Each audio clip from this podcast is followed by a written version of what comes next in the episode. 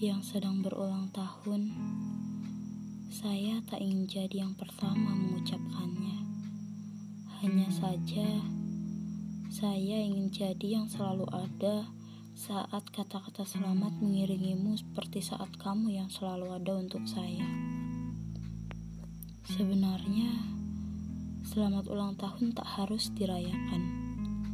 Yang harus dilakukan adalah bersyukur sebanyak mungkin karena kamu telah melewati banyak hari-hari dan tahun-tahun berat. Ada banyak doa yang ingin saya sampaikan pada Tuhan untukmu. Doa-doa dan mantra-mantra yang hanya saya dan Tuhan yang tahu. Pada akhirnya, saya hanya ingin kamu mengucapkan satu kata ajaib sebagai pengiring doa saya,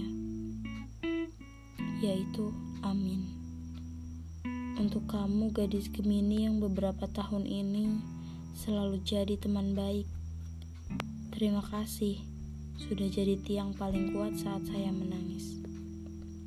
Selamat ulang tahun. Semoga hari-hari baik menyertaimu.